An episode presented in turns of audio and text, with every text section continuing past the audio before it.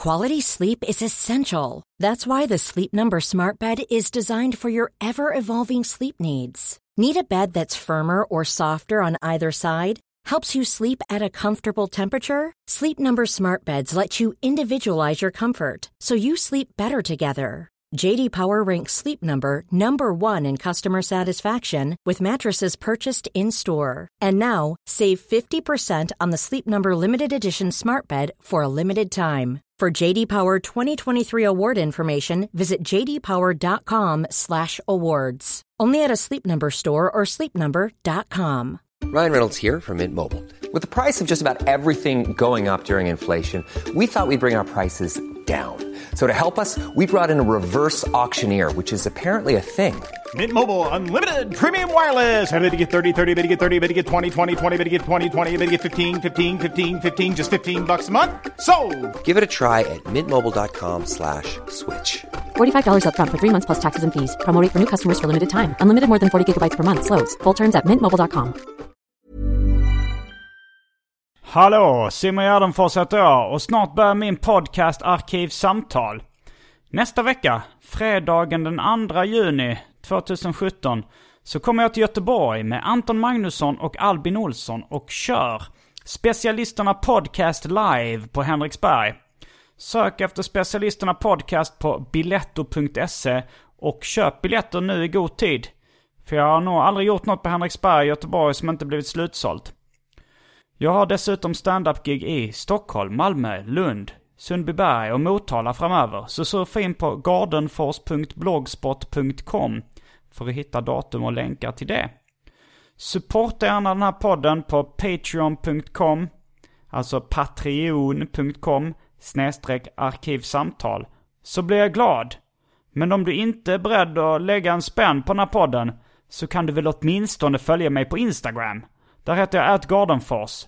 Nu kommer Arkivsamtal. Mycket nöje.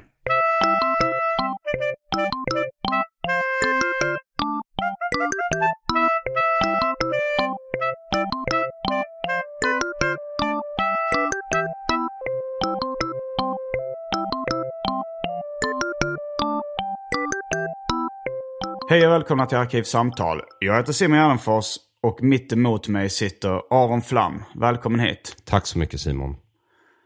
Hur upplever du din situation just nu? Fuck you.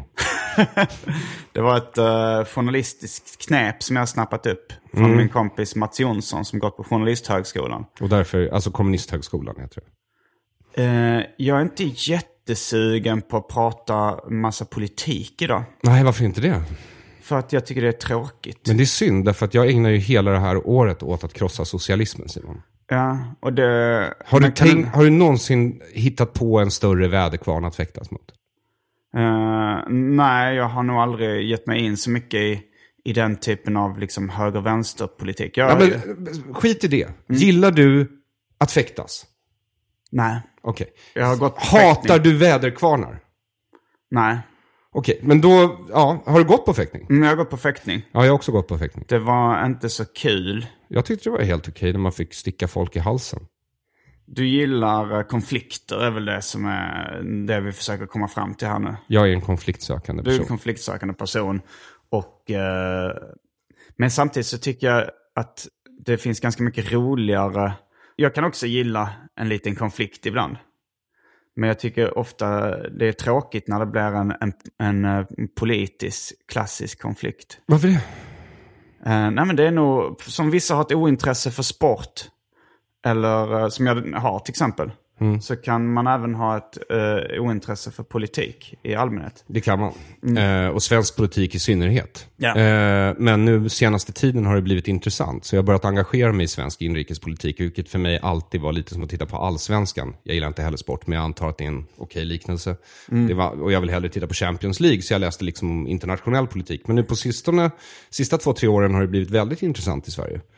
Eh, Inrikespolitiskt. Och då tänkte jag också, så tänkte jag att liksom, om alla i ett samhälle ser att kejsaren är naken och ingen säger någonting, då är det ju ändå narrens uppgift att säga att kejsaren är naken. Så därför tänkte jag att nu är tiden mogen att krossa socialismen. Det betyder inte att jag är för högern. Det betyder bara att jag är emot socialismen, Simon. Som uh, ideologi. Som ideologi och framförallt vad den har gjort med vårt land, där den har haft en obruten maktdominans under eh, hundra eh, år. Liksom. Jag tycker ju då att eh, jag tror att ganska många olika politiska system kan funka helt okej. Okay. Varav socialismen är en av dem. Mm, jag tror inte det. Mm. Jag tror nästan inget politiskt system kan funka helt okej. Okay. Faktiskt. Och jag, tycker, jag, är, jag är själv, eh, jag vet inte om jag liksom exakt skulle kalla mig socialist. Kommunist har jag kallat mig för många gånger. Och vänster har jag kallat mig för många gånger. Eh, socialist socialism vet jag inte exakt vad det innebär. Ja, men, vad, det... vad jag menar är, skit i det. Skit i att jag för tillfället har bestämt mig för att krossa socialismen det här året. Och tänk istället så här. Okay. Det jag säger är, kejsaren är naken. Vår kejsare, oavsett vad den har för kläder, har inga kläder. Det vill säga, den är naken. Alla ser att kejsaren är naken det här socialdemokratiska partiet som har varit som Gud fader i vårt land under ett århundrade och format hela vårt samhälle, byggt upp hela det moderna Sverige. Kejsaren är naken. Alla ser det, ingen säger någonting. Då är det ju narrens uppgift, om inget barn pekar ut det, att säga kejsaren är naken. Därför tror jag att tiden är mogen för det. Ja, ja, ja, ja, ja, ja. ja men vad, jag men, vad jag försöker plugga här i min nya special, Simon. som kommer ut om bara några veckor och som heter Kejsaren är naken. Uh, om jag ska vara ärlig så låter det här bara som ganska gamla och uttjatade spaningar. Är alltså, det? Ja. Varför det? För, för det här med att kejsaren är naken och att uh, vårt politiska system... Vadå, har du hört uttrycket kejsaren är naken förut? Menar du att jag inte har kommit på det uttrycket? Det låter nästan som en parodi på uh, någon slags uh, högersatir. Varför det? För att jag, jag, läste ganska nyligen boken Högerhumor av Kalle Lind. Okej, okay, så en erbarmlig kommunist har skrivit en bok om högerhumor. Är mm. jag med? Är du med? Nej, jag är inte hittills. Jag vet inte om... om, uh, om jag, har, jag, har, inte läst ut den. Mm. Men, men liksom, precis som... Den, jag, jag, tycker politisk satir i allmänhet är tråkigt. Jag, tycker, jag lyssnar inte ens på Lilla Drevet, som är den populäraste satir, satiren idag. För jag tycker det är tråkigt med... Jag lyssnar knappt ens på eh, Måndag, som är då Anton Magnusson och Johannes Finnlaugsson och Arman Reinsons politisk satirpodd. Eller de pratar om ny, snack om nyheter kanske man med. Det är väl För jag tycker det är ganska tråkigt med... Men snack om liksom... nyheter är ju en annan... Alltså humor mm. om nyheter mm. är ju uh, en sak. Och sen politisk satir är ju ytterligare en sak. Ja, och tankesmedjan har jag aldrig tyckt var speciellt kul heller. Inte i någon liksom, form. Uh, så jag tycker, så liksom, i allmänhet så tycker jag att politisk humor och politisk satir är ganska trist.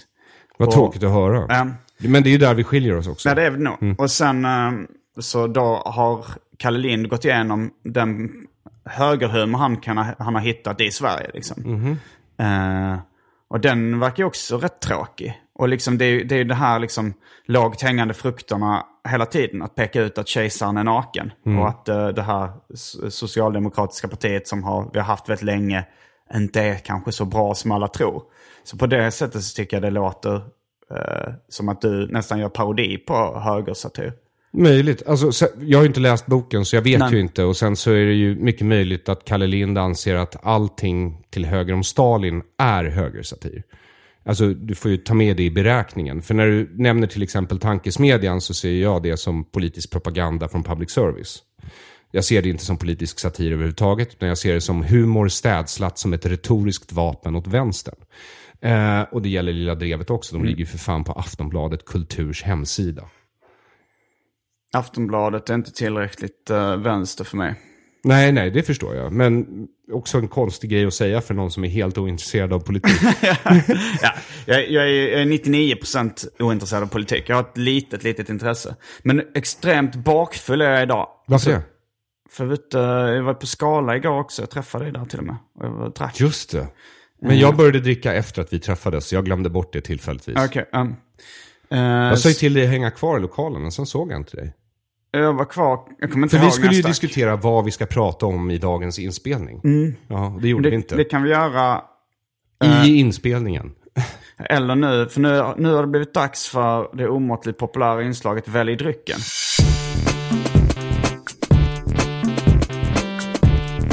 Jag tror vi börjar med det fasta Välj drycken! Och här är då alternativen vi har. Mander Pils. Red Bull i sex olika färger och smaker. Currywurst Energy Drink. Fanta Zero. Gundel aprikossprit. Någon japansk dryck som heter Ono- Oniko Roshi. Och en liknande dryck som jag eh, inte kan läsa tecknen på. Eh, lakrits... Nej, den, den drack Peter Wahlbeck upp, lakritssipan. um, sen har vi Barr apelsin... Appleade heter det.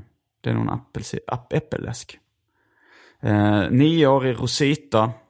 Någon dryck som heter Bloomy Drinks. Det är någon, det är någon slags ekologisk recovery som jag fick i en påse.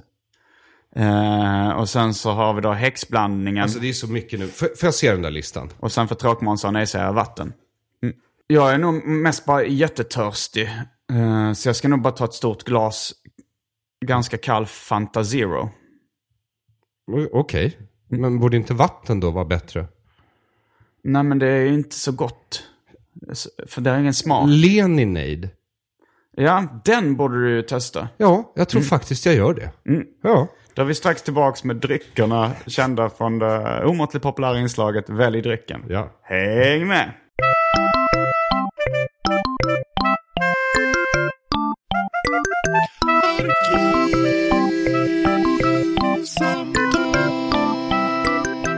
Då är vi tillbaks med dryckerna. Har du har tagit en klunk av Leninaden? Ja, den var extremt dålig. Det var det? Ja, därför att det ser ut som eh, någon sån här limonata, lite röd. Man tänker att det ska finnas lite sting och lite, lite kanske att den ska vara lite sur. Som blodapelsin. Ja, eller hur? Ja, Men det är bara sockerdricka som är röd. Kan du dra några paralleller till... eh, Kommunismen? eh, Ja, färgen är fin men det smakar ingenting. Ingenting. Okej, men ehm, du ville plugga en ny special som du har redan släppt då på... Nej, nej, eh, jag ska släppa den om två, tre veckor. Så ungefär när det här avsnittet kommer ut då antar jag. Okej. Ehm, Och den heter då Kejsaren är naken och det tyckte du var dåligt.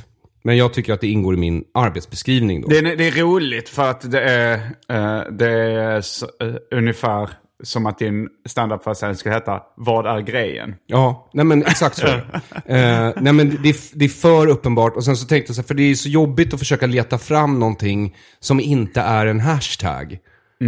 Så då bara tänkte jag så här, kejsaren är naken måste ju finnas som hashtag. Och så kollar man och det är klart den finns som hashtag. Och då, då ser jag att den, det är liksom, den används om allt. Så man kan inte säga att det är en ren högergrej eller en ren vänstergrej. För politiska twittrare använder den ju uppenbarligen jättemycket. Men sen är det ju folk som använder den om, om så här... uh, Incep in, Inception. Ja men, äh, nej men, äh, ja. Filmen Inception. ja men du vet så här, någon har twittrat så här, Inception suger, hashtag kejsaren är naken. Ah, ja, ja. Så äh, då tänkte jag att det där är nog en rätt bra hashtag ändå. Och jag brottades lite med titeln för den här. Eh, så äh, det fick bli det helt enkelt. Ja, det, det är en rolig, en rolig titel. Själv så, jag, jag jobbar, jobbar ju också på en, på en ny soloshow, en ny timme. Eh, Jag diskuterade den med Ilar i Smultronstället häromsistone som kom ut häromdagen. Då vi båda var överens om att ingen av oss ville ha en slapp timme, att vi ville ha en tight timme nu. den ska inte heta en slapp timme två. Eh, jag, jag har inte bestämt vad min nästa, min nästa föreställning ska heta. Men, jag, men liksom på Lunds humorfestival i slutet av sommaren, då ska jag liksom göra 50 minuter som inte var med i en slapp timme. Och den, det, det får nog bli mer liksom en provföreställning. Sen kommer jag nog liksom jobba vidare och göra en hel show.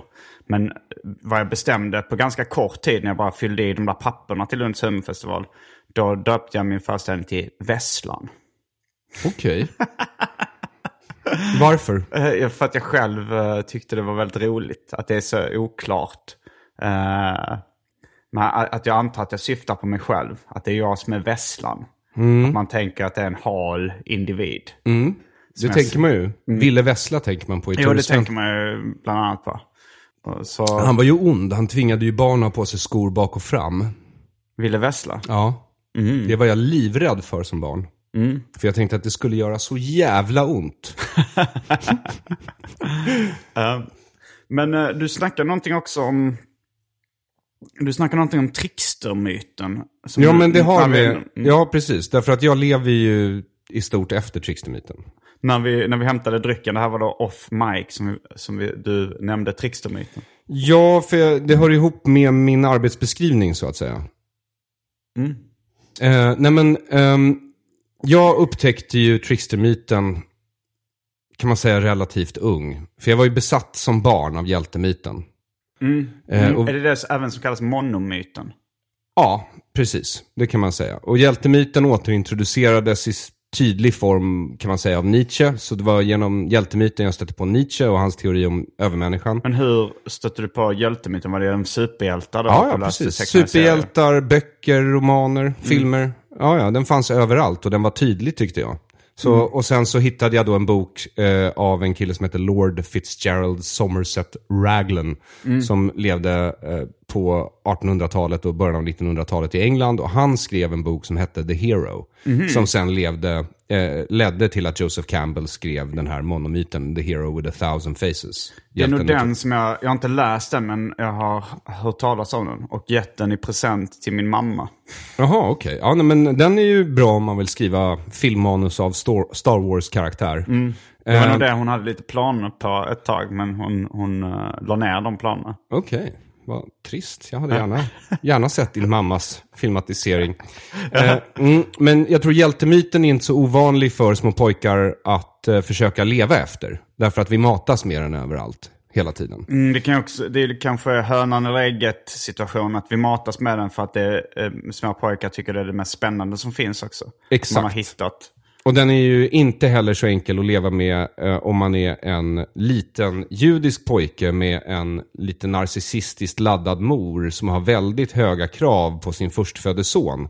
Blink, blink, Maria, Jesus, blink, blink, mamma, Aron, blink, blink, Simon och hans mamma. Nej, jag är inte förstfödd. Nej, okej, jag beklagar. Men eh, det kanske var en kvinna ovanför dig.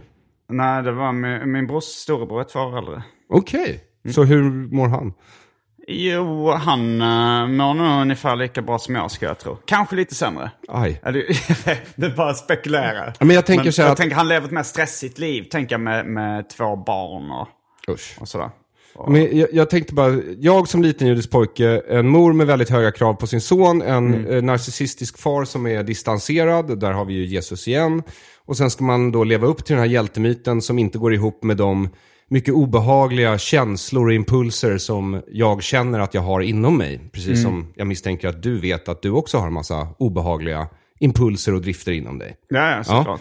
Ehm, så då skapas ju den här känslan av otillräcklighet. Så jag jagade hjältemyten för att jag eh, ville förstå den perfekt. Och Lord Raglan har då petat ner de 22 punkter som utgör hjältemyten. Det ledde mig in till Freud. Freud. Freud ledde mig in till Jung och i Jung stötte jag på Trickster. Och Jung har ju en idé om Trickster som är dualistisk därför att han växte upp i ett monoteistiskt samhälle, alltså ett kristet Europa, där Gud var god och djävulen var ond. Så då blir Trickster i monoteistisk eh, teologi automatiskt den onde. Men i polyteistiska religioner, alltså naturreligioner, där man har flera gudar, så är ju inte Trickster ond. Alltså Loki är ju inte ond. Hermes, Merkurius, de är inte onda. De är bara kaos. De är amoraliska. De har ingen moral. De går över gränser. De tar sig in där de inte får. De bryter mot regler. De uppfinner nya saker. Och eh, mycket av de här uppfinningarna och de här reglerna de bryter emot har att göra med de här eh, djuriska impulserna i oss som vi har svårt att kontrollera. Och trickstermyten så som jag ser det och alltid har sett det, det är om hjältemyten är myten om hur en människa lär sig att bli en gud. Alltså det är det eh, som hjältemyten ska lära små gossebarn, att de ska offra sitt liv för alla oss andra. Så att vi ska sträcka oss över vår egen situation och ge oss till någonting som är större än oss. Ja, det är det vi kan lära oss av hjältemyten, hur människan blir Gud. Så är trickstermyten enligt mig, det är hur ett djur lär sig att bli människa. Och det har med clowneri och humor att göra. Därför att en trickster i början av sitt liv är en person som inte kan kontrollera sina eh, kroppsliga funktioner. Alltså inte sin hunger, inte sin törst, inte sin sexuell... Alltså, Skiter på sig. skiter på sig, kissar på sig, halkar i bajs. Alltså alla de här grejerna som barn när de ser vuxna skratt, eh, göra sådana här saker så skrattar ju barn åt clownen därför att de tänker vad absurt, varför beter sig clownen så? Den, och, och det, och, Skrattar barnen när clownen inte kan kontrollera sina sexuella impulser? eh, till en början. till en början, haha vad är det där? Och sen så har man för mycket i munnen för att kunna fortsätta skratta. Så, nej men vad jag menar är att Trickster, för mig, när jag stötte på Trickster, speciellt när jag tog mig bortom monoteismen och in i den politistiska Trickstern, där den bara representerar kaos, var för mig en bättre liknelse för den jag var än vad hjältemyten var. Eh, och jag såg i Trickster ett sätt att lära mig kontrollera de här äh, mörka impulserna, de här eh, mer djuriska drifterna för att sätta mig över dem och lära mig bli människa. Fortfarande inte där, vill bara påpeka. Att jag ger fortfarande efter för min hunger eller min sexualitet ibland, till min stora besvikelse. Men det är väl inte något amoraliskt att äta mat? Kan vara. Det kan vara ifall man äter djur till exempel då, men eh, Va? det, det är ju lite, jag tycker det är omoraliskt att äta djur. Jag Varför det? gör det ibland själv. Varför är det omoraliskt? Det är synd om djuren. Ja, men det är väl synd om alla. Eh, Ja, jag vet inte om jag, jag tycker Allting nog min- äter ju någonting annat. Jag tycker mindre synd om en växt än om ett djur. För att de inte har Okej. några känslor på det sättet som jag kan relatera till. Vilket är ganska, Fucked up. ja. Men vad jag, vad jag menar det är att ve- veganism på ett sätt är en livsförnekande ideologi. Därför att allting, allt liv äter, lever av att äta någonting annat. Även om det är en växt som bara äter solljus, så lever den på en annan form av energi som den omvandlar till annan energi, som sen går in i kossan. Så att förneka att man måste äta annat för att överleva själv, det är på något sätt att förneka livet. Ja, på ett sätt kan jag hålla med. Alltså jag har ju också på något sätt en nihilistisk grundsyn. Att jag inte tror på några eh, liksom objektiva värden. Utan jag tror att de, de värdena som finns är liksom vad jag känner. Rent känslomässigt. Och det, om man ska se det i ett större perspektiv så spelar inte det så jättestor roll. Så där håller jag med dig att det inte egentligen finns kanske något rätt eller fel på det stora hela. Liksom, om man ser det ur ett, ett riktigt kosmiskt perspektiv. Ehm, men sen så är det ju så här då att de här känslorna som jag känner inombords. Jag vet att du gillar argumentet när man pratar om jag känner Jag här. hatar det, men ja, absolut. Mm. Eh, då känner jag att det är mindre, att, att det är mer fel att äta en organism som påminner om mig, mer om mig själv. Det är ju, kan, jag kan säga hyckleriet i det. Men Ja, nej, men jag alltså, Ja. ja, men jag förstår, och jag förstår även argumenten. Alltså med, med tanke på att vi idag egentligen skulle kunna leva utan att äta kött. Då är man Eh. ju bara då är man ju en ond människa ifall man nu kan äta, speciellt om man hittar någonting som smakar lika gott.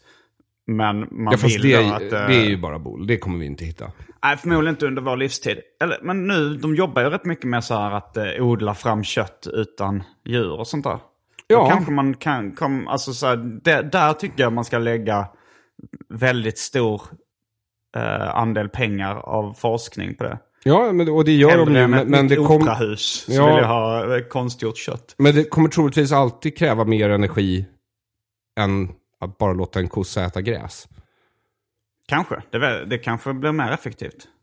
Vem vet? Vi får hoppas på det helt enkelt. I alla fall så, Men, vad, men ska vi tillbaka till trickstermyten? om du vill. Eh, ja, eller om du hade, hade du något annat Ja, nej, men alltså vad jag menar är bara så här. Eh, Trickster har med komik att göra. Därför att Trickster är en karaktär i sin egen myt som ger sig ut på en dåres uppdrag. Alltså den, den, istället, hjälten, hjälten får ju ett kall, ett högre kall som alla inser att det här är någonting som måste göras därför att vi hotas av mörka krafter. Det är ju toppen, eller hur? Men Trickstern Eh, är inte sån. Trickstern är fast i ett nät av sina egna omständigheter. Så den omkringliggande miljön som vi lever i idag eh, är Trickstern fast i. Och han känner sig begränsad av dem. Och han vill leva ut de här eh, drifterna och impulserna han har. Så han säger fuck you till hela samhället och ger sig ut på sitt äventyr. Men alla och ibland även Trickster själv inser att det här är en dåres uppdrag. Det här är ingenting han gör för allmänheten utan det har eh, själviskt ursprung. Tänk Dum och Dummare. De ger sig ut för att lämna tillbaka en väska med full av pengar. God gärning, absolut, skulle en hjälte kunna göra. Men Lloyd gör ju det för att få ligga med den här tjejen. Så det är ju hans sexualitet som driver honom ut på det här äh, äventyret. Och sen längs med äventyret så träffar de ju på massa andra tricksters som lurar dem hela tiden. Och i slutet så lär de sig, har de lärt sig några av tricken från de andra tricksterserna. Och sen så använder de de trick, tricken mot världen. Och på så sätt blir de på något sätt vinnare. Mm. Och det är trickstermyten. Och det är den jag då, eh, när jag var cirka 16, började försöka inkarnera. Överlappande med hjältemyten, för det tog ett tag att fasa ut den grejen ur huvudet. Eh, jo, det var, det, var, det var den första grejen. Sen andra grejen. Eh, jag vill fråga, jag vill bara ha lite exempel då på eh, kända tricksters i kulturen. Eh, Trump tycker jag är det bästa exemplet just nu. Men jag tänker kanske mer i fiktionen. I fiktionen? Ja, eh, ja men The Dude i Big Lebowski är ett av mina absoluta favoritexempel från modern populärkultur i alla fall. Mm. Den Jokern i Batman är ju verkligen en inkarnation av den jungianska arketypen Trickster. För det är ju eh, för de flesta av oss som läser Batman, eftersom eh, Jokern och Batman är dualistiska. Den ena är god, den andra blir ond i relation. De, blir liksom, de definieras i relation till varandra. Så där har du eh, en väldigt, ett väldigt bra exempel på en trickster. Eh, men det där gäller ju i princip alla komedier. Alla komediers huvudperson är en trickster. Eh, så eh, det var det som fick mig att intressera mig för det. Och det, jag ägnade ju en stor del av mina filmvetenskapliga studier åt det. Och min dröm var ju att liksom definiera, precis som Lord Raglan eller Joseph Campbell gjorde med hjältemyten, definiera det här är de centrala beståndsdelarna. Och en del av dem måste vara med för att vi ska kunna definiera det som en hjältemyt, en renodlad. Liksom. Ehm, så för mig var drömmen då att peta ner den perfekta trickstermyten. Vilket jag försökte göra i min kandidatuppsats på filmvetenskapen. Eh, och eh, den är nog en av de grejer jag är stolt över i livet att jag har gjort. Eh, sen så var underlaget för litet och jag skulle egentligen behövt skriva både en magisteruppsats och en doktorsavhandling om det för att verkligen pricka in det så att säga. Vilken, vilket sen skulle kunna kanske skrivas om till en mer populärvetenskaplig bok i stil med den här The Monomyth eller vad Ja, heter. precis. Och det hade jag jättegärna velat och det kanske kommer någon gång i framtiden när jag har utrett Trickster nog. För jag känner att, att hålla på med stand-up för mig var väl delvis ehm, att försöka inkarnera Trickster. Du har ju varit på turné med, med Wahlbeck nu några gånger. Så En du vet ju, ja, du vet vad ut som i fingerspetsarna. Jo, men du vet vad som händer om en komiker bara öppnar upp sig och så släpper den in Trickster i sig. Det är Wahlbeck. Han har ju ingen kontroll över det där Han, överhuvudtaget. han har inte valt det. Det är förmodligen bara... Han har nog ing, Han har nog... Han är ett perfekt kärl för den kraften. Ja, Mm. det ska jag också säga. Ehm, vem är den första? Alltså kan du säga några riktigt tidiga inom liksom fiktionen, eh, tidiga trickster-ikoner? Ja, det kan jag. Ormen i paradiset, Asmodeus, Ah, ja, ja. är en väldigt, väldigt bra monoteistisk trickster. Lucifer blir ju trickster. Loke, Hermes, Merkurius. I Japan, Zuza One. I Kina, King Monkey. Okej. I Afrika, Eshu, Anansi och en drös till. Inom nordamerikanska ursprungsbefolkningars mytologi, Raven, Fox, Rabbit, Och eh, vad är det som du tror... Uh, Quetzalcoatl i uh, Latin och Sydamerika. Okej. Vad, vad är det du tror gör det roligt? Alltså som var humorn finns i, i, um, i trickstern. Är det, är det samma, samma funktioner som gör... Alltså en klassisk grej inom humor är så här. Han säger det som jag tänker men inte vågar säga. Det är ju en typ av humor, men om du tänker på just fars.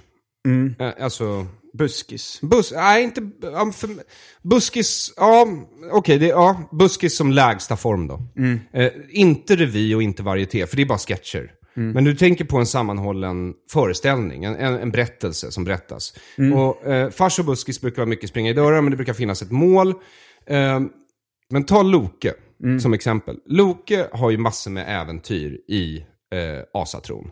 Ja. Och en hel del av de äventyren eh, går ut på typiska saker som du ser Adam Sandler göra i filmer idag. Han klär ut sig till kvinna för att lura någon jätte och få tillbaks Tors hammare, till exempel. Alltså, och det, Tor måste också hänga med på det här. Alltså, det finns, så det, genderbending till exempel är typiskt för trickster-myter. Att man byter kön. På ett eller annat sätt. Korrigera. Eh, precis, och det gällde... Wakchung Kaga har också en sån episod i sin myt. Det är Winnebago-indianernas trickstergud. Han eh, eh, vill lura sig till mat, så då klär han ut sig till en vacker kvinna och då blir hövdingen i den här rika stammen kär i honom och så gifter sig hövdingen med Trickster och så får de massa barn och Trickster får äta massa. Eh, och sen vid något tillfälle så säger Trickster, nu är jag trött på det här och mätt, så tar han av sig kläderna och hövdingen blir förbannad. Och så, en hilarity ensues, som man brukar säga. Ja, nej men just... Så det finns ju, det är ju ett komiskt element. Eh, jag, jag gav lite upp att förstå, alltså så här, det är jättesvårt att förstå pudens kärna när det gäller humor. Alltså vad det är som är roligt. Bra uttryck. Pudens kärna? Ja, vet du var det kommer ifrån? Nej. Goethes Faust. Därför att Goethe målar upp ett pentagram och åkallar djävulen. Men han har ritat det här pentagrammet slarvigt. Eh, så, för han, ja, så djävulen kommer in i rummet och in i cirkeln. Och, I form av en pudel. Och då undrar Faust, vad fan är du? Och sen besvärjer han pudeln tills då djävulen tvingas att kasta av sig pudelkostymen och visa att det är Satan själv som står där. Så det är pudelns kärna. Satan är pudens kärna. Korrekt. Och då har vi eh, hamn, och cirkeln är sluten eftersom Satan då är en trickster. Och du, så det ro, fast då blir det så här, vad är det roliga med trickstermyten? Ja, det är trickstern. så blir det lite. Ja men vadå, Va- vad är det roliga? Det roliga är att det finns, alltså när ett samhälle bestämmer sig för vad som är ordning och reda, vad som är regler och vad som är renlighet, så allting som hamnar utanför ordningen är oordning eller smuts eller kaos. Ja. Och Trickstern är den enda medlemmen i de här eh, samhällena som kan gå mellan världarna, alltså som kan färdas utanför eh, tingens ordning, ut i oordningen och sen ta sig tillbaka utan några magiska hjälpmedel. Det är Tricksten den enda som kan göra. Och då är ju Tricksten per definition eh, delvis en komisk gestalt. Det kan ju vara fruktansvärt också. Men vad Tricksten gör, det är alltså, om bajs är smutsigt, för det är det ju i de flesta mänskliga kulturer. Då kommer Tricksten ha med bajs att göra. Och det har vi ju verkligen sett i Dum och Dummare till exempel, där båda häller laxermedel i varandras mat och så sitter de där. Tydlig bajsscen, eller hur? Ja. Eh, och det händer ju i nästan alla komedier att, jag menar, har du sett den här MacGruber? Eh, nej. Okej, Underskattad komedi som nästan ingen har sett. Eh, det bygger på en eh, sketch från SNL om MacGruber som är en MacGyver-karaktär som alltid ska desarmera en bomb på 20 sekunder men aldrig lyckas. Så det slutar alltid med att de sprängs. Så det är roliga då. Eh, men MacGruber, eh, ja vid något tillfälle så är han på en fest och sen så har han, och det är skurkens fest, så han har gått upp på övervåningen och så bajsar han i vattentanken, alltså i spolvattnet. Så att en, ja, en så kallad upper decker. Ehm, och där, har- och där ja, ja men du ser vad jag menar. Så det, det finns absolut något roligt i Tricksten. Därför att den bryter mot både de, alltså de kulturella tabun som finns i samhällen. Mm, och det kan du i en, en kontext som är inte hotfull, vilket komedier är.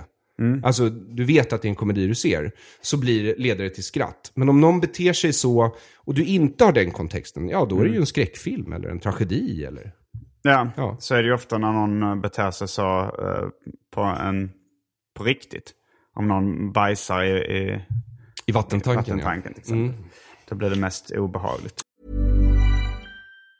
If you thought the only way to get a more defined jawline with natural looking results was through surgery, think again. Juvederm Volux XC is a non surgical injectable gel filler that improves moderate to severe loss of jawline definition and can help you achieve natural looking results with little downtime. Even better, this improved definition lasts up to one year with optimal treatment. No maintenance required. Improve jawline definition for a smooth, sculpted look with Juvederm Volux XC. For important safety information and to find a licensed specialist, visit juvederm.com. That's J U V E D E R M.com. Not for people with severe allergic reactions, allergies to lidocaine, or the proteins used in Juvederm. Common side effects include injection site redness, swelling, pain, tenderness, firmness, lumps, bumps, bruising, discoloration, or itching. There's a risk of unintentional injection into a blood vessel, which can cause vision abnormalities, blindness, stroke, temporary scabs, or scarring. Talk to a licensed specialist to find out if it's right for you.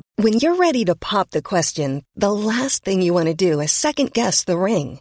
At Bluenile.com, you can design a one of a kind ring with the ease and convenience of shopping online. Choose your diamond and setting. When you find the one, you'll get it delivered right to your door. Go to Bluenile.com and use promo code LISTEN to get $50 off your purchase of $500 or more. That's code LISTEN at Bluenile.com for $50 off your purchase. Bluenile.com code LISTEN. Quality sleep is essential. That's why the Sleep Number Smart Bed is designed for your ever evolving sleep needs. Need a bed that's firmer or softer on either side? Helps you sleep at a comfortable temperature? Sleep Number Smart Beds let you individualize your comfort so you sleep better together. JD Power ranks Sleep Number number 1 in customer satisfaction with mattresses purchased in-store. And now, save 50% on the Sleep Number limited edition Smart Bed for a limited time. For JD Power 2023 award information, visit jdpower.com/awards. Only at a Sleep Number store or sleepnumber.com. Men hur var det då att vara på turné med en levande trickster? Eh, ja, eh, han var gästen i förra avsnittet av Arkivsamtal. Där, där jag går igenom ganska mycket. Eh, så att du kan lyssna på det avsnittet. Men sammanfattningsvis så sa jag att det var lite som att vara på turné med en schimpans. Det vill säga ganska påfrestande och utmattande. Men, eh, Men berättade roligt, han liksom. någonting för dig? Och man berätt, han berättar jättemycket saker. Mm, det brukar han göra. Men berättade han någonting om dina tidigare liv? Det är ju, eh, ja, en, mest om sina egna tidigare liv. Ja, Okej, intressant. Han är ju inte jätteintresserad av andra människor. Nej, det är han inte. Eh, Så det var mest... Om inte de är jätteintresserade av honom. Ja, men då, då, är, då är det ju egentligen han själv han är intresserad av ännu en gång då. Ehm, men vad jag tänkte på var, eh, vi, vi kom aldrig riktigt eh, fram till någonting vad det var som, när, när du snackade om de här mörka drifterna man hade inombords. Så nämnde du då att, att, att äta mat var en sån, liksom, att vara hungrig och vilja vill Ja, men mat. att frossa är ju en dödssynd inom Okej, så den katolska litur liturgin. Och, och på de flesta platser i världen så är det ju fortfarande sticker i ögonen om någon har väldigt mycket mat och bara sitter och frossar och sen slänger bort resten av maten. Mm. Eh, det är ju inte så att hushålla med resurser. Och de flesta trickstermyter är ju väldigt ursprungliga. Jag skulle tro att de är mer ursprungliga än hjältemyten. Alltså jag tror trickstermyten är verkligen den första myten. För den handlar om folkhjältar. Alltså människor som skapar ordning ur oordning med hjälp av lurendrejeri. Loke uppfinner ju fiskenätet till exempel. Okej. Mm. Eh, så de är ofta uppfinningarnas gud. Hermes Merkurius, elden. Som de stjäl från gudarna och ger till människan. Eh, och sen straffas för givetvis. Men det är bra för människan. Ja. Mm. Eh, hur gammal var du? Alltså du sa att du var kanske 16 och du började intressera dig för trickstermyten. Ja. Hur gammal slash brådmogen var du när du liksom började läsa på på ett nå- lite liksom akademiskt sätt om då... Det kan man eh, inte kalla det för, men ja. Nej men eh, om uh, monomyten. Ja, men runt, Alltså, runt, runt, runt nio. Runt nio. Därför Alltså, jag minns att jag var nio när jag stötte på liksom ett citat ur Alltså sprach Zarathustra. Av just Zarathustra. Och det citatet... och från vilken bok var det? Eller det citatet? Från Alltså sprach Zarathustra. Det, boken heter Zarathustra. Så talade Zarathustra. Okej. Ja, eh, det är Nietzsche. Han är berömd för den. Så du läste Nietzsche när du var nio år? Nej, jag läste ett utdrag. Okej. Eh, till att börja med. Men det, det gjorde mig intresserad. Och sen så Mm. missförstod jag väl Nietzsche på det sätt som nazisterna och människor som gillar Ayn Rand brukar göra. Det vill säga att eh, men det blir väl någon sorts schablonbild av vad man tror. Alltså för när man, om man är så ung och inte så kritiskt tänkande och så läser man det där, då har man... Eh, eller jag hade väl en tendens att ta honom på orden. Så jag trodde ju att det liksom skulle gå att göra en supermänniska av det vi är. Men det tror jag inte längre och det är inte det Nietzsche menade. Nietzsche tyckte ju att människan är liksom, är bara en övergång från apa Vem? till supermänniska. Och om vi överlever som art så kommer vi att bli någonting annat. Men, men just nu så är vi ju basically apor som lurar oss själva att vi är någonting annat än apor. Är ju- Ja, så, men när jag var liten så... Jag, man är liten och så präglad av hjältemyten och så, så är det klart att man gärna tar till sig och har läst lite superhjältar och gärna vill bli biten av en radioaktiv insekt. Eller Ja. radioaktiv vad fan som helst egentligen. Ehm, så började Jo, jag jag då började jag jaga den liksom. Mm. Jo, jag tror de flesta barn, jag hade ju också fantasier om, om superkrafter och sånt där. Men eh, skulle du säga att du någonsin har haft, eller kanske till och med har, någon form av narcissistisk personlighetsstörning? Det skulle jag nog kunna våga påstå utan någon som helst stolthet. Därför att riktiga narcissister skäms inte när de säger det. Ehm, Nej men alltså som, för det, det finns väl nästan som eh, att man skulle kunna få men den diagnosen liksom.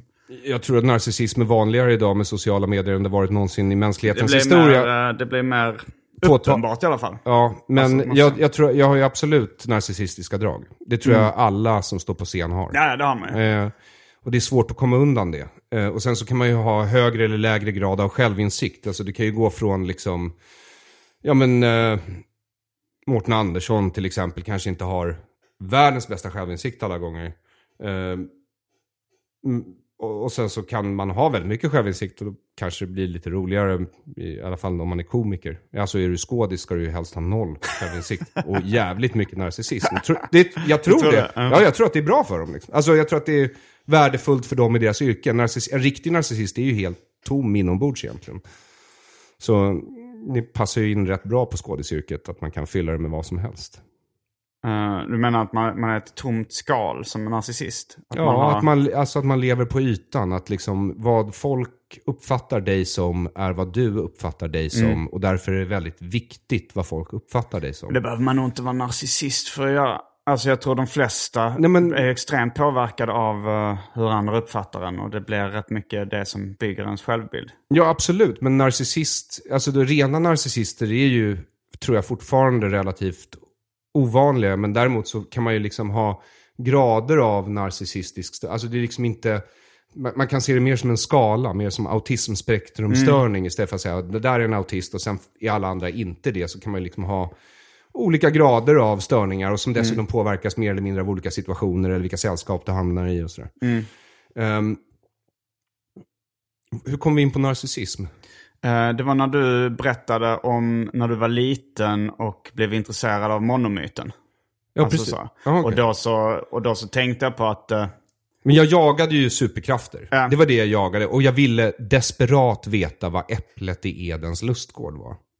mm, Därför att jag tänkte att om det, om den frukten är vad som tog oss från omedvetna djur till medvetna djur, vem? då måste det finnas en annan frukt där ute. Eller samma frukt. Och om vi tar den igen, tänkte jag. Var du fundamentalist som nioåring? Nej, inte fundamentalist, men jag var väldigt intresserad av myter. Men du och- trodde lite att det kunde finnas ett sånt, att det kunde stämma? Att Nej, var, nej, jag, tro, jag, trodde, jag har aldrig trott på sagor på det sättet. Jag har alltid trott att sagor är liknelser som vi använder för att beskriva verkligheten. Ja, ja. Och jag tror att är, det är en bra saga som har spritts väldigt mycket så finns det en, en kärna av sanning i den sagan. Eh, och i Bibeln är det ju så att i Edens lustgård finns två träd. Det finns kunskapens träd och det finns livets träd. Okej. Ja. Och äter du av kunskapens träd så blir du så som Gud och vet skillnaden mellan gott och ont. Och naken och påklädd. Du blir medveten. Och när människan äter av det här trädet, då säger Gud, det där fick ni inte göra. Det var det enda jag sa att ni inte fick göra, trots att jag placerade dem i mitten av lustgården och gjorde frukten mumsig och fin och saftig. Så det fick ni inte, och nu måste jag köra ut er. Och Gud säger, och nu måste vi köra ut dem, så att de inte också äter av livets träd och blir så som oss. Det enda som skiljer oss från Gud, det är odödligheten med andra ord. Medvetenheten har vi, odödligheten har vi inte. Och jag tänkte, dels så tänkte jag, kanske om man äter medvetandets frukt igen blir man ännu smartare, vilket jag ville bli. Eller så kanske jag hittar Edens lustgård och det andra trädet och då blir vi evigt liv, då blir vi så som Gud. Så det, för mig var det en del av en livslång revolution som jag hade i mig. Som jag ville göra mot alla som försökte bestämma över mig. Därför att Jag var som sagt ett rätt narcissistiskt litet barn och gillade inte att andra bestämde över mig. Så jag gav mig ut på den här jakten och sen i, i analyserandet av just den myten, om man tar den som utgångspunkt, därför att det var ju den jag matades med som barn eftersom jag växte upp judiskt, så stötte man ju på Asmodeus. Vad, vad sa du? I den myten så stöter man ju på Asmodeus. Jag som är alltså namn, det är namnet på ormen i Edens lustgård. Okej. Det är vad ormen heter. Och ormen är ju den som lurar, inom citationstecken, Eva att äta av frukten. Mm. Så i och med det så tänkte jag, hur är det med trickstermyter då? Finns det mer frukter där? Och det gör det ju. I nästan alla trickstermyter och alla messiasmyter finns det både heliga drycker eller magiska svampar som man äter, Alice i Underlandet till exempel. Och så brukar det i hjältemyten i alla fall finnas ett heligt vapen. Alltså ett verktyg som är gudomligt välsignat på något sätt, eller besvärjt för att kunna bekämpa ondska med. Men det finns inte i trickstermyten och jag var inte så intresserad av det där heliga vapnet. Jag tänkte att jag köper ett svärd och sen får det vara nog med det. Vad jag är ute efter är en biokemisk krycka som kan göra mig till mer än vad jag är. Och där föddes också mitt intresse för narkotika tror jag. Du berättade att du är lite extra mycket i gasen idag för Ja. att du äter ny medicin. Nej, Aha. jag äter någon annans nya medicin. jag har prövat det här Elvanse idag. Vad heter det? Elvanse, det är det nya ADHD. Okej, så det är en slags amfetaminliknande preparat. That's what they say. Och det, ja, det, det märks lite att du är lite extra i gasen. idag. Ja, jag är lite, lite pratigare va? Ja. Och du verkar ändå vara ganska glad. glad. Ja, men jag får ju träffa dig. Och eh, de här poddarna brukar bli bra och jag brukar gå härifrån med en bra känsla. Det har bara hänt en gång tror jag att det blev lite rörigt. Det kanske... Det Och kanske- rörigt blir det ju nu också, men man kan gå därifrån med så här bättre eller sämre känsla liksom. Ja. Eh, men ehm, ja, du gillar ju inte frågan som jag ställde i början, hur du upplevde din situation. Men alltså hur är ditt mående då? Alltså så här rent, eh, går du runt och är gladare än vad du brukar vara för tillfället? Eller? Jag är superstressad och eh, de här dagarna fram tills idag när jag prövade den här lilla medicinen eh, har varit eh, rätt jobbiga. Det känns, alltså jag har jättemycket projekt på gång. De är alla roliga. Jag har alla hittat på dem själv, mer eller mindre. Och, en, och de, tyvärr är det så mycket just nu att jag har svårt att göra någonting bra och då mår jag dåligt. Eh, så vad jag ser fram emot nu det är att försöka skala ner här. För nu, nu lägger jag ner sta, alltså stand-upen under sommaren. Jag har en inspelning med Comedy Central i slutet av juni. Juli. Ska de filma en, eh, ett set eller? Liksom? Ja, bara ett klubbset liksom. Ja, och det får jag fylla med gamla skämt som jag inte har spelat in tidigare tänkte jag. Mm, Hur men- långt ska det bli ungefär? 20 minuter. Okej. Men utöver det så eh, tänker jag inte ägna mig åt annat än skrivande, läsande och dekonstruktiv kritik i sommar. Podden? Ja. Du ska inte göra smultronstället med Sandra Ila? Jag tror inte det, för hon ska vara bortrest en hel del. Och jag tror inte vi kommer kunna synka ordentligt. Däremot så har vi lovat lyssnarna att göra partiideologier eh, på Patreon bara. Så det kommer vi att göra. Alltså vi går igenom varje partis partiprogram. Okej. I alla fall i Sveriges riksdag och sen två bubblare typ. Och sen så ska vi gå igenom de konservativa ideologierna också. Ehm, men, men det är också så här, Sandra gör ju också otroligt mycket. Och hon är egentligen den som ska vara showrunner för den här podden. Som jag startade eh, med henne för att hon fick sparken från Tankesmedjan och behövde pengar liksom. Ehm, och eh, jag hoppas ju kunna utveckla det här eh, konceptet från smultronstället, alltså utöka så att man liksom samlar ett gäng fristående satiriker inför valet om ett och ett halvt år. Och börjar göra liksom mer fristående satir som inte ligger på public service eller Aftonbladet. Och då kan vi givetvis ha med socialister eller rena knasbollar som du själv. Men, men, men eh, jag, vill, alltså, jag vill att eh, andra åsikter också kommer fram. Liksom. Mm. Så att det inte bara är en mono-åsikt. Eh, Just det. eh, därför att man kan säga jävligt mycket om medieklimatet i USA där det är två retarderade sidor, antingen vänster eller högermedia. Men då har de i alla fall två retarderade idéer att liksom jämföra med och så kan man hamna någonstans i mitten. Medan här i Sverige så är det ofta bara en retarderad idé och då vet man inte riktigt, då har du inget att jämföra med. Ja, men jag kan relatera till det här att, uh, känna, att jag, också, jag känner mig också lite stressad av att jag har själv hittat på massa eh, roliga projekt. Och sen så eh, ofta känner jag så att det är kul när jag väl liksom står på scen och kör en show. Men eh, det är väldigt mycket stress innan liksom, man ska sälja biljetter, man ska eh, prestera så bra man kan. Så ofta går jag runt och längtar tills jag är klar med de här projekten bara. Eh, tills så här, Man vill få det gjort. Ja, eh, så, som nu så här, Peter Wahlbeck-turnén tyckte jag blev skitbra. Men jag gick också av olika anledningar runt och längtade. Så, oh, det ska bli så skönt när det är över. Dels för att han var väldigt påfrestande och privat liksom. Eh, rolig förvisso, men väldigt utmattande. Ja, det är, Eh, det är inte lätt. Men Och då är du ändå inte gift med honom. Någon är. Ja. Så jag ska också försöka ta det lite lugnare i sommar. Kanske köra lite smågig med stand-up. Eh, känner jag mig själv rätt så kommer jag inte ta det så jävla lugnt som jag vill. Seriealbum. Nej, men nu så, nu så har jag liksom... Jag har, jag har, näst, jag har liksom ganska nära en ny föreställning. En ny timme stand-up som jag tänkte turnera med så småningom. Men det har jag inte satt något liksom startdatum för. Så det kommer bli nästa stora grej om man säger. Ehm, en ny timme. Sen så är frågan då vad jag ska göra med mitt liv efter den timmen. Det, det finns lite olika... En ny timme. Kanske. Ja. Det, kan, det, det, kan, det, är en, det är en stark bubblare skulle jag säga. Att bara, bara direkt göra en ny timme. Men jag, men jag skulle ju också kunna göra ett, ett nytt seriealbum. En, kanske skriva en eh, textbok. En roman eller liksom något sånt. Wow. Det, jag, det är inte säkert på om jag, skulle kunna spela in en, so, en soloplatta. Jag skulle kunna eh, göra en eh, humorkanal på YouTube. Det finns massa olika grejer. Jag har inte riktigt bestämt mig på vad, vad, jag, vad, vad nästa stora grej blir. Eller kanske kombinera lite, plocka och blanda lite fritt från ovanstående grejer. Jag får se lite. Jag, det, det är ganska skönt också att inte, att inte ha planerat allting in i minsta detalj. Ska jag berätta vilka projekt jag har just nu? Ny humorspecial. Kejsaren är naken. Okej, den, är den inspelad eller inte? Den är inspelad och håller på att klippas. Okej, Mm. Så den kommer ut på YouTube snart. och den är runt 20 minuter. Den är 20 minuter. Exakt 20 minuter. Eh, och sen eh, kortfilm från första maj. Arons första första maj är trailern. Men jag tror att den ska heta Arons sista första maj. Nu när den kommer ut. Den är 2 minuter och 31 sekunder lång. Vad sa du? 32 minuter? Nej, 2 minuter och 31 sekunder. Okej, ja. det, är den Väldigt ny- kort film. det är den nya kortfilmen. Eh, 20 minuter är den nya humorspecialen.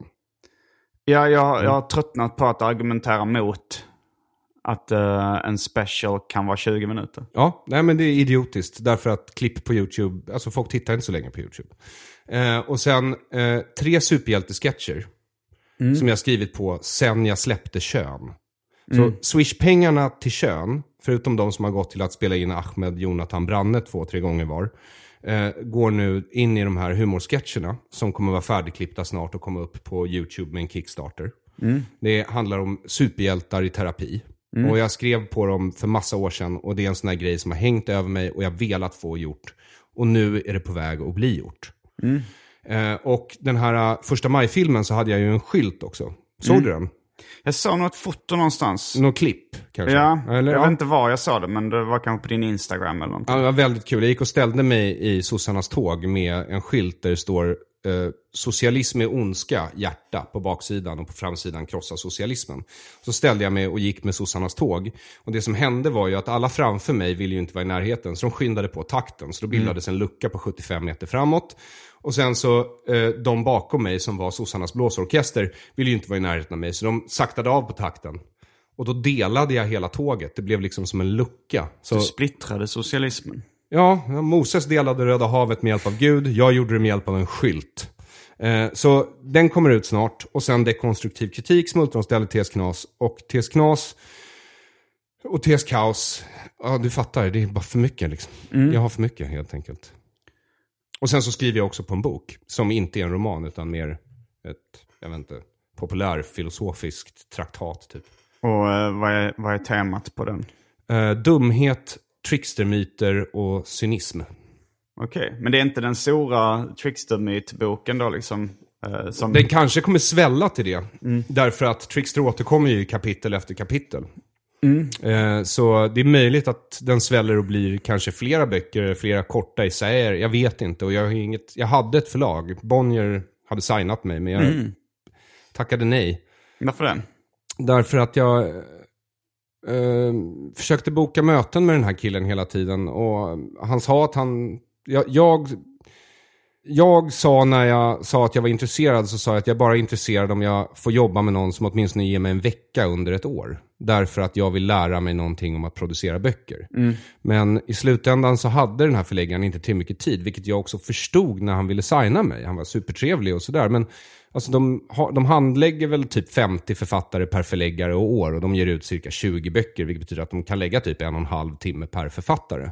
Och då får inte jag ut så mycket av det, utan då tänkte jag så här, till slut så tänkte jag, äh, istället för att gå, gå här och vänta på att få ett omdöme av honom, så gör jag det själv istället.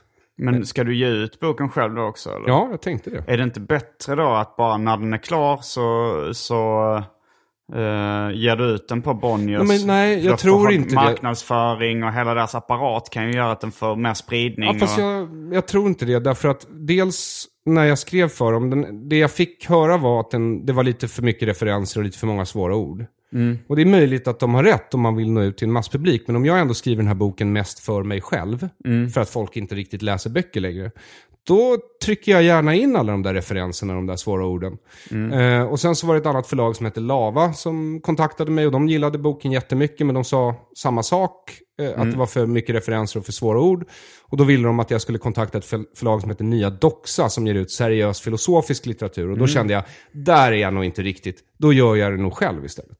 Mm. mm. Plus att också två av de eh, bäst säljande böckerna, i alla fall fackböckerna i Sverige förra året, gavs ut på egna förlag. Och det var ju Tinon Sanandajis Massutmaning och Magnus Norell Kalifatets återkomst. Och Magnus Norell är ju utgiven på förlag sedan tidigare. Det var bara att ingen vågade ge ut den här boken. Så gav han ut den själv och det gick ju alldeles utmärkt. Så då tänkte jag, varför ska jag ha det här gamla systemet när man uppenbarligen har ett nytt system som jag ändå verkar i och tjänar mest på. Och som är mycket friare. Vad handlade den boken om som eh, inget förlag vågade ge ut? IS. Okej. De var rädda för att bli dödade av IS. Ja, jag antar det. Och också negativ uppmärksamhet. Orkade kanske inte, vem vet. Men, men det, det tyder ju också på att förlag nästan har tjänat ut sin funktion. Alltså funktionen var ju en grindvakt så att det kom ut bra grejer. Ja, men det är väl också en... Men nu ger de ju ut Pewdiepie och... finns en eh, bok med Pewdiepie. Ja, absolut. Det är en pysselbok. Mm. Eh, och eh, Jockiboi.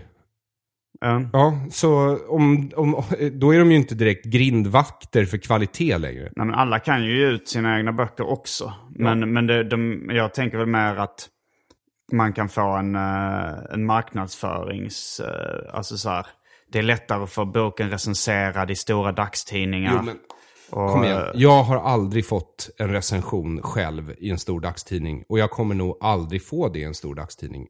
They just don't like me, Simon. De stora dagstidningarna. Ja, Eh, ja, det vet man aldrig. jag brukar ju pissa på DN Kultur rätt mycket på Twitter. Så de har ju skäl. Jag anger ju namn. I dekonstruktiv kritik har jag ju kritiserat Hanna Fahl en del. Ja, så jag antar att det där kommer inte hända mig. Sen så är det kanske inte så... Jag vet inte hur mycket det boostar bokförsäljningen. En, eh, en recension i... Ja, men jag Det- tror recensioner boostar nog en del och jag tror att vara med i en morgonsoffa eller något sånt där, Ja. eller Babel, det är klart att det boostar hur mycket som helst. Men eftersom jag aldrig fått den hjälpen, och då tar jag hellre och ger ut det själv, för det verkar funka för mig. Eh, plus att jag gillar att vara fri. Så jag behöver liksom inte anpassa mig till att någon tycker att det här är för komplicerat eller ingen skulle vara intresserad av det här. Utan eh, nu får jag gå efter eget huvud och så får det bära eller brista. Liksom. Har du skrivit mycket självbiografiska texter? Nej, jag är inte så... Alltså jag, lustigt nog för en självupptagen människa, är inte så jävla intresserad av mig. Mhm. Eh, men eh, jag skriver ju ner anekdoter när de händer mig om jag tror att de kommer komma till användning i min komik eller något annat senare. För du har ju någon gång eh, pratat lite om att du... Nej men du, du var med i någon relationsdrama där du var tillsammans med någon tjej som re- visade sig redan vara gift. Ja, Och det har du, det har jag liksom alltså sagt... hon gifte sig under det att vi var ihop med någon annan. Men hon sa inte det då, därför att det hade varit en dealbreaker för mig. Du hade inte gillat det. Nej, Jag var så, jag var så konservativ när jag var. Men, eh, men ni var tillsammans, bodde ni ihop då? Eh, Vi, I perioder bodde vi ihop, ja. Det var ett långt förhållande. Och, och du visste inte att hon... Och vi, i perioder var vi, var också, det var väldigt stormigt. Så det var liksom Okej. på och av, liksom, i alla fall under delar av förhållandet. Men du visste inte att hon eh, hade det på gång med någon annan då? Ja, jo, mot slutet anade jag det ju, kan man säga. Och sen så erkände hon att hon kanske dejtade någon annan. Okej, Och men då tänkte jag så hade hon ett bröllop? nej. nej. Eller jo, det hade hon väl såklart, men inte som jag visste om. Nej. Nej, men hon Men gifte... hur kunde det... Det känns så konstigt. Liksom, Men hon bodde i två länder. Jaha, vilket Så- land bodde hon i? Ja, då bodde hon i USA och Sverige. Så hon var gift med någon i ett annat land. Vad sa du? Hon var gift med någon i ett annat land? Ja, i, alltså hon, hon, ja. hon gifte sig med någon i USA? Mm. Okej. Och hur länge var ni tillsammans? Efter det, inte, Nej, men- efter det så gick det snabbt åt helvete. Ja, men det var väl lite kanske hennes sätt att göra slut på. Att gifta sig med den andra killen. Kan ha varit, kan ha varit massa saker, ambivalens, ehm, ja, eh, förvirring. Mm. Men hur träffades ni då från början? Eh, På ja till euro-kampanjen. Det här låter ju jättekonstigt. Ja, ja, strunt samma. Det är inte så viktigt. Det är vatten under bron. Nej, men, eh, men jag är ju väldigt intresserad av uh, relationsdrama och självbiografi. Mm, ja, men det där kanske kommer när jag är 50. Okej. Eh, Det är möjligt, men just som det är nu så känns mitt liv kanske inte, eller? Tycker du att det är så intressant? Jag tycker just den storyn, om den berättas på ett underhållande och gripande sätt, så kan det bli skitbra. Ja, men då ska man kunna, alltså underhållande har jag inga problem med. Gripande, that's a whole different ballpark. Ja, eh, det, det, det är säkert minst lika svårt. Ehm, Mm. Men det handlar väl ofta om att, eh, att berätta om känslor som man kanske egentligen tycker är pinsamma. Då blir, tycker jag ofta det blir gripande. Ja, och jag vet inte om jag är där än. Alltså jag går ju i analys, så jag försöker ju lära mig att uttrycka då mina känslor. Men det är ju som du säger, det är inte min favoritsak. Nej, men gillar du att läsa självbiografisk eh, litteratur? Nå, så, nej, nej det gör jag inte. Jag har aldrig gjort. Men, Inte självbiografisk. Och jag brukade inte gilla biografisk heller. Men det har jag börjat gilla mer på senare år. Alltså när jag var yngre då brydde jag mig egentligen aldrig om konstnären. Utan jag blev kär i enskilda verk. Det var väldigt sällan jag blev kär i en, konstver- i en konstnärs hela produktion. Det kom liksom senare. Men, men ett, ett enskilt verk kan ju då vara till exempel ett självbiografiskt verk. Det kan det ju absolut vara. Finns det någon självbiografi du har läst som du tycker är extra bra? Eh, ja, ganska, det finns ganska många. Jag har läst många uh, komikers självbiografier. Steve Martins till exempel. Den är bra. Eh, men, men jag tänker kanske så här. Tredje stenen från solen av Claes Holmström. En av mina favoritböcker. Den, den är i stort sett självbiografisk fast han har bytt ut lite namn bara i den. Jag förstår. Eh, och den tycker jag är extremt underhållande. Eh, det är en, av- liksom en av mina favoritböcker genom tiderna. Men det skulle jag kunna tänka mig att göra. Att skriva en, rom- en självbiografisk roman och byta namn på det så det blev en roman. Mm. Det är jag okej med.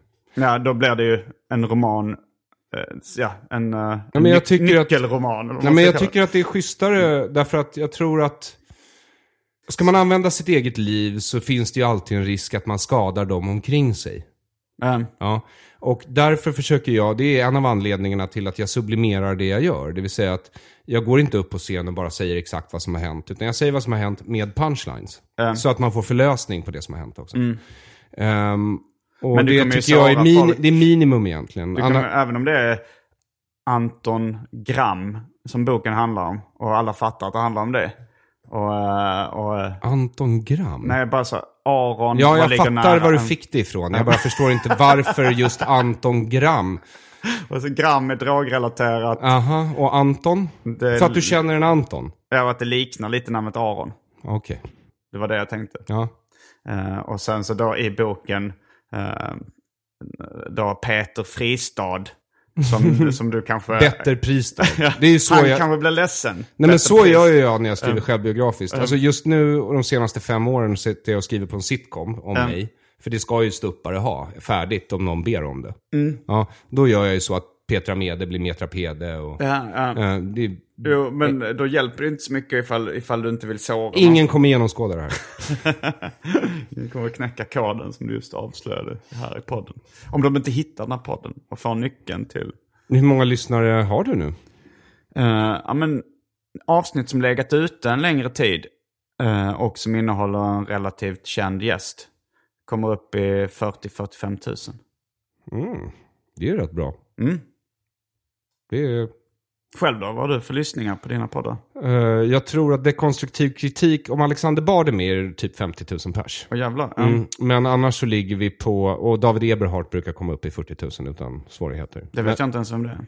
Nej, han är läkare, överläkare i psykiatri. Han, Mm. var, han var den som blev eh, ondskan i Anna Odells verk Jag hoppar näs- nästan av en bro. Okej. Eh, han är väldigt intressant. Mm. Eh, och, eh, men eh, mina egna har väl, jag har väl ungefär 30 000 lyssningar på podden och sen lägger jag upp dem på YouTube och där brukar det bli mellan 5 och 7 000.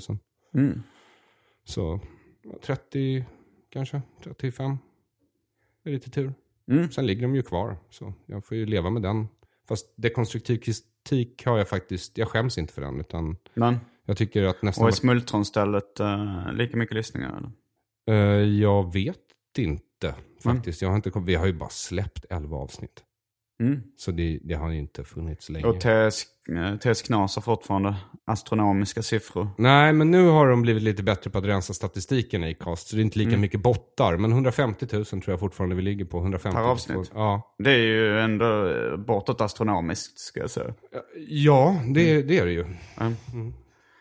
Någonting annat du vill tillägga innan vi rundar av den här podcasten? Ja, jag vill bara säga en sak som jag inte sagt till dig. Därför att vi, du tyckte att det var så tråkigt med politisk sa- satir. Men den här första maj-grejen jag gjorde, den är faktiskt väldigt inspirerad av dig.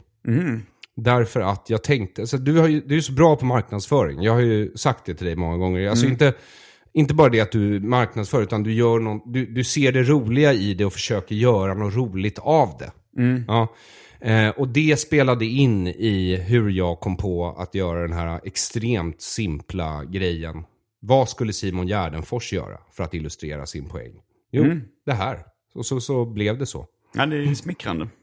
Eh, ja, du behöver kanske inte skryta om det för dina vänstervänner, för då kommer du få skit. Men, men eh, Om de inte lyssnar på den här podden. varför ska de göra det?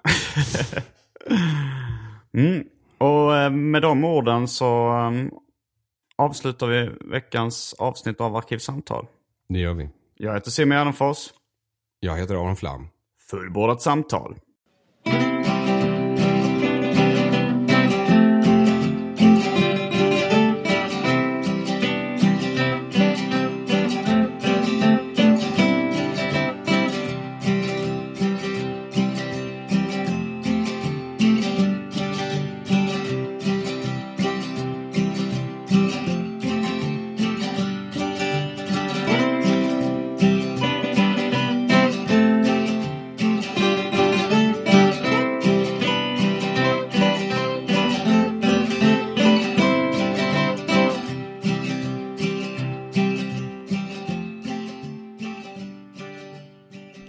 Tack till min klippare Marcus Blomgren som driver Sveriges minst uppskattade Instagramkonto, at Marcus Brumgren.